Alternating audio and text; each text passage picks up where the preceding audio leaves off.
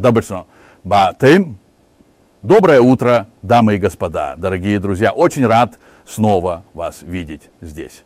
Сегодня утром я хочу пригласить вас к разделу, который мы только что прочитали, но сразу скажу, что это фактически старт.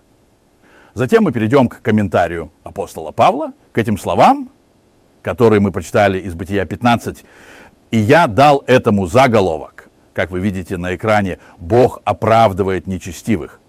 И я поставил туда восклицательный знак. Это было моей смелостью, потому что это не шуточно. И я э, сразу же признаю, что это довольно крайнее заявление. Праведник, нечестивый, оправдываемый Богом. Э, в объявлении об этой встрече я написал, что в течение времени и подготовки к этой встрече меня снова и снова сталкивали с этими фактами. За время многие попытки были предприняты, чтобы ослабить или относительно истолковать эту истину, но это не удается. Все это попытки, в сущности, и это, собственно, заключение. Это попытки лишить Евангелия ее сердца, ее сущности. Но давайте сначала перейдем к Бытию 15. И я присоединюсь к ситуации в пятом стихе. Но это только что было прочитано. Авраам должен признать, к тому времени он уже достаточно постарел. Но что? Это, конечно, относительно понятие, потому что, да, этот человек дожил до 175 лет, и когда ты считаешь себя стариком, но в любом случае, даже в библейских терминах, он действительно уже был стар – и ситуация была такова, что он по-прежнему не имел детей. Это известная история, мне не нужно ее подробно объяснять. И в том же Римлянам 4, куда мы собираемся пойти, мы увидим, что они оба, и так и называют, были умершими.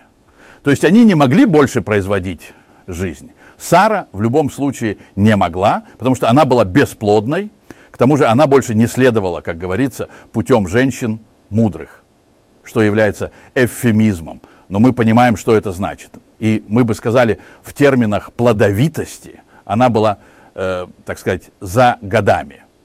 Но это звучит немного нецеремонно, но в любом случае. И о Аврааме мы читаем, что это, кстати, немного позже. Также Авраам был умершим и не мог иметь детей. Вот ситуация. У них не было детей, они ждали детей, и теперь Авраам утверждает, что наследие перейдет к моему слуге. Вы должны понимать, что Авраам был богатым человеком. Это богатство перейдет к дамасскому слуге Элиезеру, и тогда Авраама поправляет Бог. Фактически это можно знать, потому что обещание ему было дано ранее. Затем вы читаете, что Бог говорит ему, пойди на улицу и я читаю. Он, Бог, вывел его наружу и сказал. И представьте себе Авраам, который жил в Бершеве, в пустыне, как бы мы сказали. Или так ли это было тогда, это еще вопрос. Но в любом случае, там, если вы после этого посмотрите вверх ночью, то увидите что-то по-настоящему великолепное. Там у вас отличный вид на звездное небо. И тогда сказано, что Бог говорит ему, видишь ли, в небо и посчитай звезды. Если, конечно, ты э, э, сможешь. Затем идет само обещание, потому что это э, вступление в сравнение. И он, Бог, сказал ему, так будет твое потомство. Ранее уже было сказано не только как звезды небесные, но и как песок у берега моря, который невозможно сосчитать. Так будет твое потомство. Наследие не идет к слуге Елиезеру, о котором только что упоминал Авраам. Нет, наследие идет к сыну. И кроме того, он является предком многих народов. Тогда, кстати, еще не было речи о обещанном сыне, но уже тогда его звали, и ему Бог э, дал имя Авраам. А, он, э, Авраам получил в свое имя букву H. И об этом есть много сказано. Но самое главное, безусловно, заключается в том, что он стал называться отцом многих народов. И это, можно сказать, цинично. Или это почти звучит как сатира, говорить это ребенку-мужчине. Ты отец многих народов. Но именно так его называли в семье. Отец многих народов, приходи поешь, сказала бы Сара, это почти звучит как горькая шутка. Да, но кто последний смеется, тот смеется лучше всего. Вот почему ребенок, который в конечном итоге родился, получил имя Ицхак. И это означает смех. Да, и это здорово, когда вы, да, я могу это сказать, когда вы знаете обещание Бога. Тогда у вас действительно есть повод посмеяться. И Бог действительно устраняет все ограничения, которые есть у человека. Для Бога ничего невозможного. Так будет твое потомство. Обратите внимание, это не приказ. Аврааму не дано задание стать отцом. Мне кажется, это довольно ясно. Он делал все возможное, скажем так. Но это так и не удалось спустя десятки лет. И надежда, на это была, говоря человеческим языком, шанс 0-0. Но Бог говорит, так будет твое потомство, как звезды небесные. И не ставится никаких условий. Именно это я сейчас и подчеркиваю. Бог дает обещание и не говорит, Авраам, если ты теперь, точка, точка. Позже Павел э, также назовет это в послании Галатам. Аврааму была возвещена благая весть, то есть хорошая весть, и это именно это. Вот это и есть та хорошая весть, которую услышал Авраам. Так будет твое потомство. Я гарантирую это у Авраама ничего не просили. Ему что-то вняли. Так будет. И великолепно также посмотреть на все эти слова. Когда вы, например, читаете, что сказано Аврааму, ты будешь отцом многих народов, это не означает так, как мы привыкли думать в нашем кальвинистском восприятии.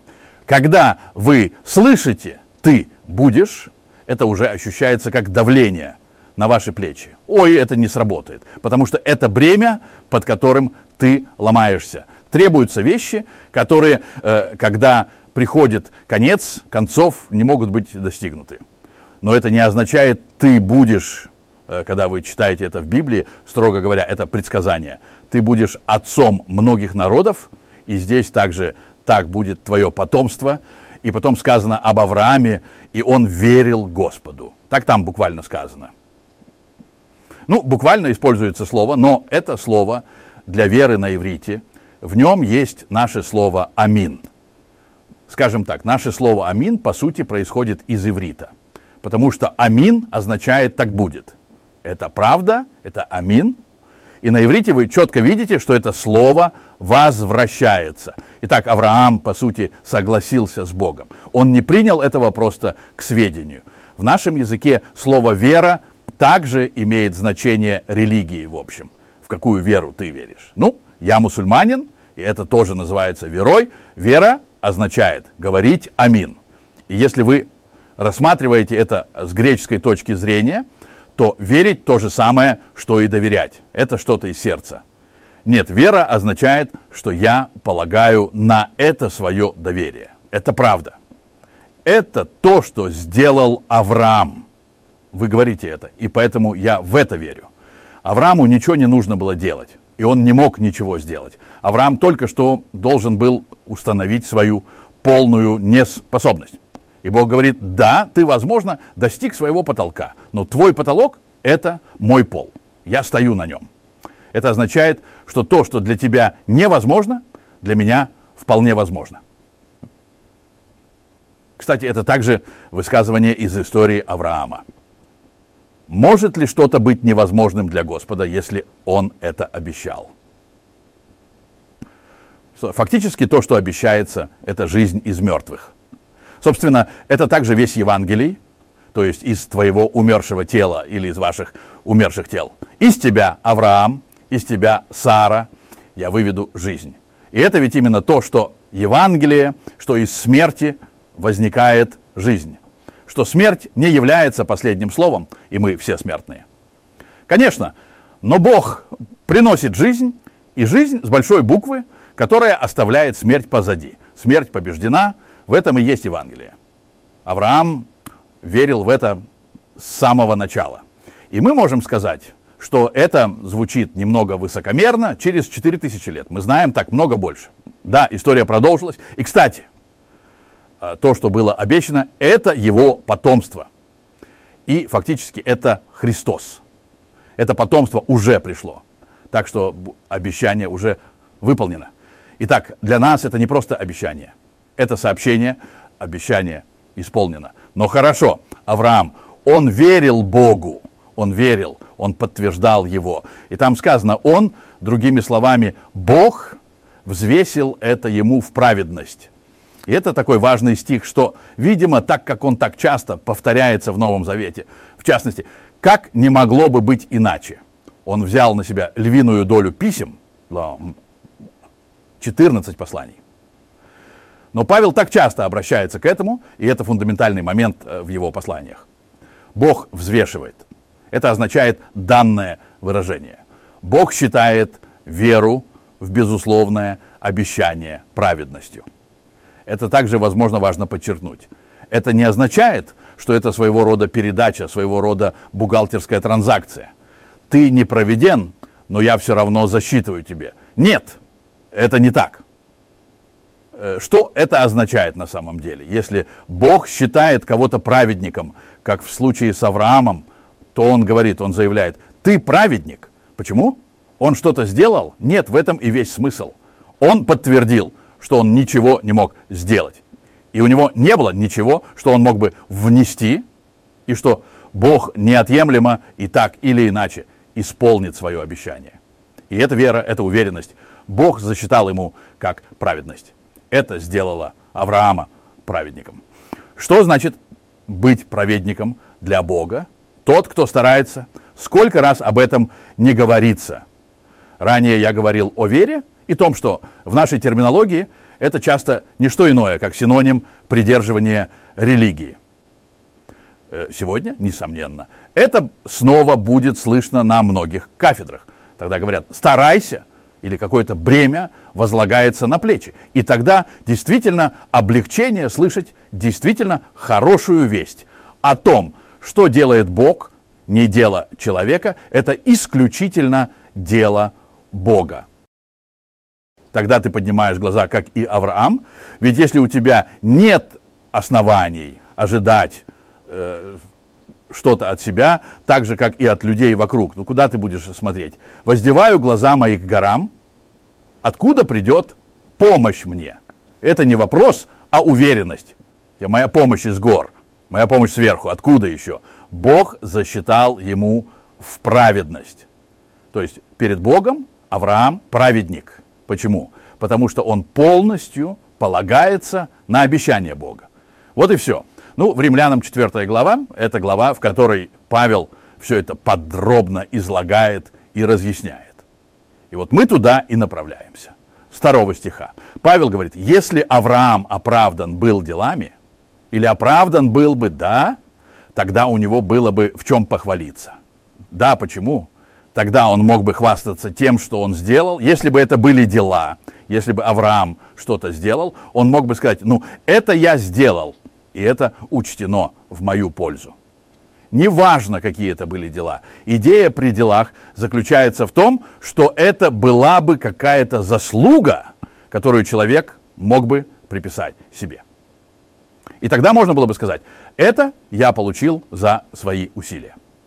Если бы Авраам оправдан был делами, у него было бы в чем похвалиться, конечно, он мог бы хвастаться, но не перед Богом. То есть честь или похвала не идет к Богу. Нет, потому что тогда он сам сделал что-то.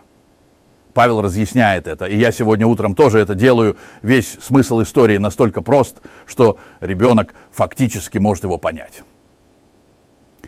Поэтому невероятно, что эта правда была искажена в истории церкви. Как из веры через заднюю дверь снова сделали дело. Потому что, вы знаете, центральной истиной реформации – является только верой. Да, это правда. Но если из веры снова сделать дело, как, например, в евангельской вариации, где люди говорят, я выбрал Иисуса. Идея заключается в том, что человек снова что-то сделал. И вот у вас есть слава. Или говорят, Бог сделал все. Мне нужно было только принять его. В официальной церковной терминологии это называется предложение благодати. Это означает в какой степени благодать предложение и кому оно предлагается. Предлагается ли оно всем людям или только некоторым так называемым избранным. И знаете ли, это вовсе не вопрос предложения. это просто факт, это сообщение. Не от того, что Бог хочет быть твоим спасителем, и ты можешь это принять. Или Он спаситель для всех людей. Нет, Он спаситель всех людей. И я могу сказать каждому человеку, Он твой спаситель. И это означает, что Он спасет тебя.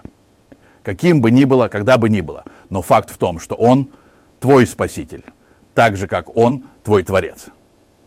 Он не твой творец, потому что ты в это веришь. Это ведь абсурд? Или он твой судья? То есть он исправляет все. Он вас судит. Это не подразумевает условий. Нет, это факт. Он твой Бог. Он твой Творец. Он твой Спаситель. Это сообщение, это известие. В это можно поверить или нет. Мы продолжаем, переходим к римлянам 4.2. Там утверждается, что если бы Авраам был оправдан делами, то у него была бы слава. Но слава бы не досталась Богу. И теперь Павел говорит. Что говорит Писание? И я могу вам подсказать, что теперь он процитирует из Бытия 15.6, откуда мы только что читали. Ибо что говорит Писание? Авраам поверил Богу, и ему это вменилось в праведность. Павел цитирует из своей еврейской Библии, и мы стоим примерно в то же время, что и Павел от Авраама. То есть от Авраама до Павла прошло примерно 2000 лет, и от Павла до нас тоже примерно 2000 лет. Итак, это было 4000 лет назад. Теперь центральная истина. Почему же Авраам был праведным пред Богом? Было ли это потому, что он старался изо всех сил? Нет, он был праведным, потому что он верил Богу на его безусловное обещание. Вот что Павел подчеркивает здесь. И не только здесь, кстати, хотя он здесь очень э, фундаментально это также разъясняет. Затем Павел продолжает и говорит, а работающему не признается награда по благодати, а по долгу. Нет, если ты работал, ты можешь э, сказать, что у тебя есть право на награду. Когда ты получаешь свою зарплату, тебе не нужно говорить спасибо. Хорошо, это может быть согласно этикету, но я имею в виду, это долг который оплачивается. Это значит, что твой работодатель что-то тебе должен. Он обязан дать тебе это. Это зарплата. Ты это заработал. Вот так это идет с работой. Работать, по сути, означает не что иное, как заработать что-то. И если ты получаешь это, ты можешь претендовать на это. Потому что другая сторона обязана дать тебе то, за что ты работал. Вот так работает работа. Римлянам 4.5. Это центр. Павел говорит, тому, кто не работает, но верует в того. Вы можете также сказать, что вы возлагаете свою веру на Него, вы доверяете Ему. Потому что верить, по сути, это не что иное, как доверие.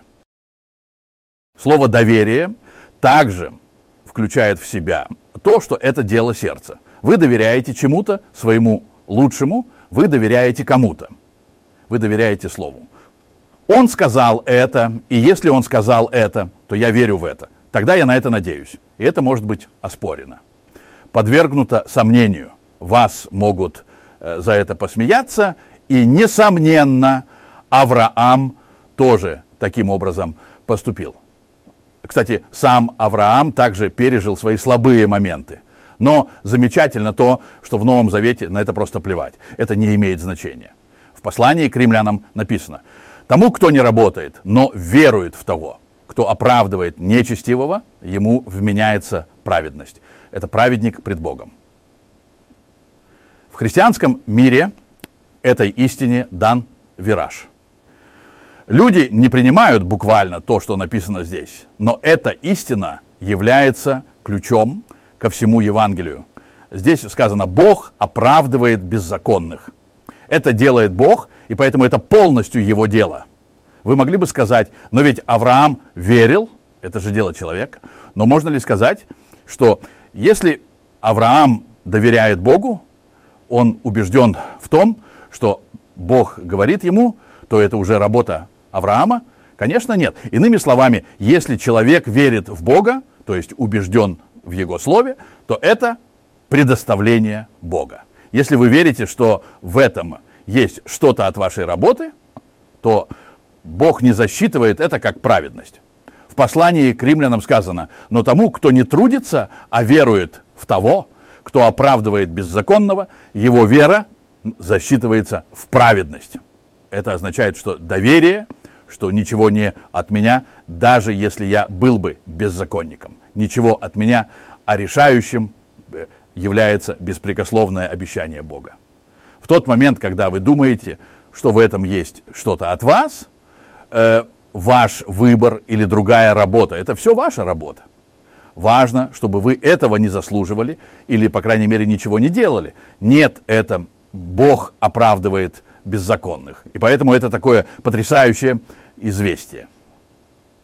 Потому что это то, что вы можете рассказать всем и не ставить условия, что э, им сначала нужно вас послушать или что-то в этом роде. Нет, это просто известие. Бог оправдывает беззаконных, поэтому вы можете подойти к беззаконному и сказать, какое тогда сообщение? Бог оправдывает тебя, Он спасет тебя, Он твой спаситель. И знаете, кто первый, кто на этом спотыкается? Да, это религиозные люди. Так просто это быть не может, и они в это не верят. Или они говорят, да, но ты должен сначала поверить. Но моя демонстрирует именно то, что люди этого на самом деле не верят. Какую веру Бог засчитывает в праведность? Веру в Него или в того, кто оправдывает э, беззаконного? Но оправдывает ли Он всех? Да, тогда мы должны вернуться, потому что это послание к римлянам 4, и тогда мы перейдем к римлянам 3. В римлянам 3 глава 23. Здесь также простое утверждение. Павел говорит, ибо все согрешили. Он говорит, ибо, потому что он уже подробно это разъяснил и доказал в предыдущих главах, насколько это важно. Человек – это э, промах по цели, потому что это э, фактически то, что означает слово «грешник». Человек грешит, он промахивается по своей цели. Э, и кто же это такие? Павел отвечает, говоря, все, что имеется в виду под все, но никто не исключается. Даже ни одного – говорит он ранее в Римлянам 3. Нет никого, кто ищет Бога, даже ни одного. Итак, когда он говорит, ибо все согрешили, он продолжает то, что он уже ранее установил. Отсюда ибо. И все это, и важно прочитать это как все. Потому что важно, что это универсальная истина, на которую нет исключений. Как все люди смертны, так и все люди грешники. Не потому, что они что-то плохое сделали, кстати говоря, потому что даже младенец в колыбели тоже грешник. Что это младенец может с этим поделать. Ничего, но это вовсе не важно. Все грешат, все грешили. Вот грешили, можно было бы еще сказать. Да, это связано с деяниями. Но проблема заключается в том, что э, человек промахивается по своей цели. На самом деле это уже заключено в том, что он смертен, и, следовательно, он промахивается по цели, а именно жизни. Ему чего-то не хватает. Здесь сказано также и лишаются. Или на самом деле это означает и испытывают недостаток славы Божьей. И на самом деле, неважно, насколько много вы не хватаете. У меня был когда-то сосед, и он говорил, есть два вида людей. И, собственно, этот человек делал почти все, что Бог запретил. Так что он знал, о чем говорит. Есть два вида людей. Есть плохие люди и есть очень плохие люди. Но каждый человек чего-то не хватает. То каждый человек провалился. И будь то с одним баллом или с многими баллами за экзамен, провал – это провал. Есть так много примеров, но каждый человек чего-то не хватает. Все согрешили. Все согрешили и лишаются славы Божьей. Кто же теперь эти все? Те же самые все. Здесь речь идет обо всех людях. Большинство читателей Библии часто ставят точку, но предложение продолжается. Я читаю далее. «И оправдываются даром в благодати Его через искупление, находящееся во Христе Иисусе». Внимательно прочтите, что здесь сказано. Все согрешили, у всех не хватает славы Божьей, и все оправдываются даром. Так что без каких-либо условий или противопоставлений. Без каких-либо условий, без каких-либо заслуг, без какого-либо вклада они оправданы. Просто бесплатно. Не почти бесплатно, потому что это что-то вроде почти сдал или почти беременна. Потому что почти бесплатно, как часто и обычно говорят, это не бесплатно, это фальшивка. Мне не нужно почти нка хадзават на такса это на бесплатно. Как же это работает? Все оправдываются сар. Так что все, кто сахасил, это не состоит слова баха другого славу, со человека без исключения оправдывается саром, когда даром. И если ты еще не понял, то следующим шагом является благодать от него. И все оправдываются даром в благодати от него через искупление, которое во Христе Иисусе. И мы верим в это. И поэтому мы говорим аминь что написано в Римлянам 5. Если читать это по-гречески, то это, по сути, как телеграммный стиль. Это читается как математическая формула, потому что в этом предложении, в греческом даже нет глагола, и это делает его похожим на телеграммный стиль. Математическая формула. Павел только что подчеркнул воздействие того единственного поступка Адама, в котором заключена вся человечность. Он жнет плоды – горькие плоды того, что он сделал. Так же, как и один проступок, а именно Адама, для всех людей привел к осуждению. Так и один праведный поступок для всех людей привел к оправданию для жизни. Как я уже сказал, это своего рода математическая формула. Там написано один проступок с одной стороны и один праведный поступок с другой – буквально написано для одного праведного поступка. Праведный поступок. Если вы читаете дальше в стихе 19, оказывается, что это поступок послушания. Послушание – это то, что правильно. Один проступок привел ко всем людям, к осуждению, для всех людей. И Павел уже так подробно объяснил, что это действительно все люди. Так что все люди осуждены. И, конечно, можно было бы спорить и даже защищать, что это нечестно. Ведь почему мы осуждены из-за проступка другого? Ну, об этом можно сказать больше, чем я сейчас сделаю, но на самом деле это не о том. Ведь все люди осуждены за то, что они грешники и смертные. Вы не выбирали это. Это данность. Верно? И это довольно безнадежная ситуация. Ведь что человек может с этим сделать? Это так же безнадежно, как и Авраам, который должен был констатировать в конце своей жизни, между кавычками, что он был бездетен. Да, Авраам, тогда тебе стоило бы лучше постараться, а если не получается, постарайся еще лучше. Звучит э, довольно банально, как я это говорю, но вы понимаете, что это чушь. И это можно сказать смертному. Да, ты должен заботиться о том, чтобы ты больше не был смертным. Привет, а что? Мы именно такие. Мы идем со смертью в кармане. И попыток предотвратить эту трагедию было достаточно. И да, эти люди, которых я должен разочаровать, потому что э, своими усилиями это никогда не сработает. Есть божественное решение, есть жизнь, да, нет жизни до смерти. Обычно говорят наоборот. Суть в том, что Библия говорит, что нет жизни до смерти, потому что э, то, что мы называем жизнью, на самом деле есть умирание. Вы заняты процессом умирания. Так что жизни нет до смерти, а после смерти есть жизнь. И она появилась 2000 лет назад, когда откатился тот камень за пределами ворот Иерусалима. Тогда Бог воскресил его из мертвых, как первенца навсегда – есть жизнь. И это обещается каждому человеческому существу. Потому что как одним проступком для всех людей было осуждение, так и одним праведным поступком для всех людей стало оправдание для жизни. Как все люди э, осуждены быть грешниками и смертными, так и все люди предназначены быть оправданными и оживленными. Это так фундаментально. На чем основано оправдание? Ответ – Бог даст жизнь. Это его обещание каждому человеческому существу, и Бог оправдает каждого человека. Это деяние Бога, а следовательно и его заслуги, и таким образом заканчиваю 1 Коринфянам 1. Потому что в конце концов именно об этом идет вся эта история. Большой вывод. Где Павел говорит, но из него из него в этом контексте. Э, Бог, вот вы во Христе Иисусе. Как вы оказались во Христе Иисусе из неба? Что вы сделали для этого? Ничего, конечно. Вы что-то сделали, э, чтобы быть водами? Вы что-то сделали, чтобы быть грешником? Вы что-то сделали, чтобы быть смертным? Нет. Это наше положение как людей.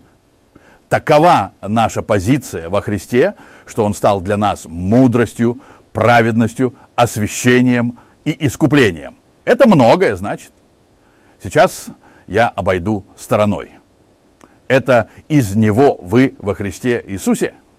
Ты что-то сделал для этого? Нет, конечно. Вы что-то сделали, чтобы оказаться в Адаме? Вы что-то сделали, чтобы быть грешником? Вы что-то сделали, чтобы быть смертным? Нет, это наше положение как людей. Такова наша позиция во Христе, что Он стал для нас мудростью, праведностью, освящением и искуплением. Я расскажу вам. Эта история не заканчивается здесь. Это не только оправдание, это и тот, кто освящает нас. Он освящает нас. Вы будете святыми, говорит Петр. Вы будете святыми. Знаете, когда это начинается? В тот момент, когда человек говорит, я не могу.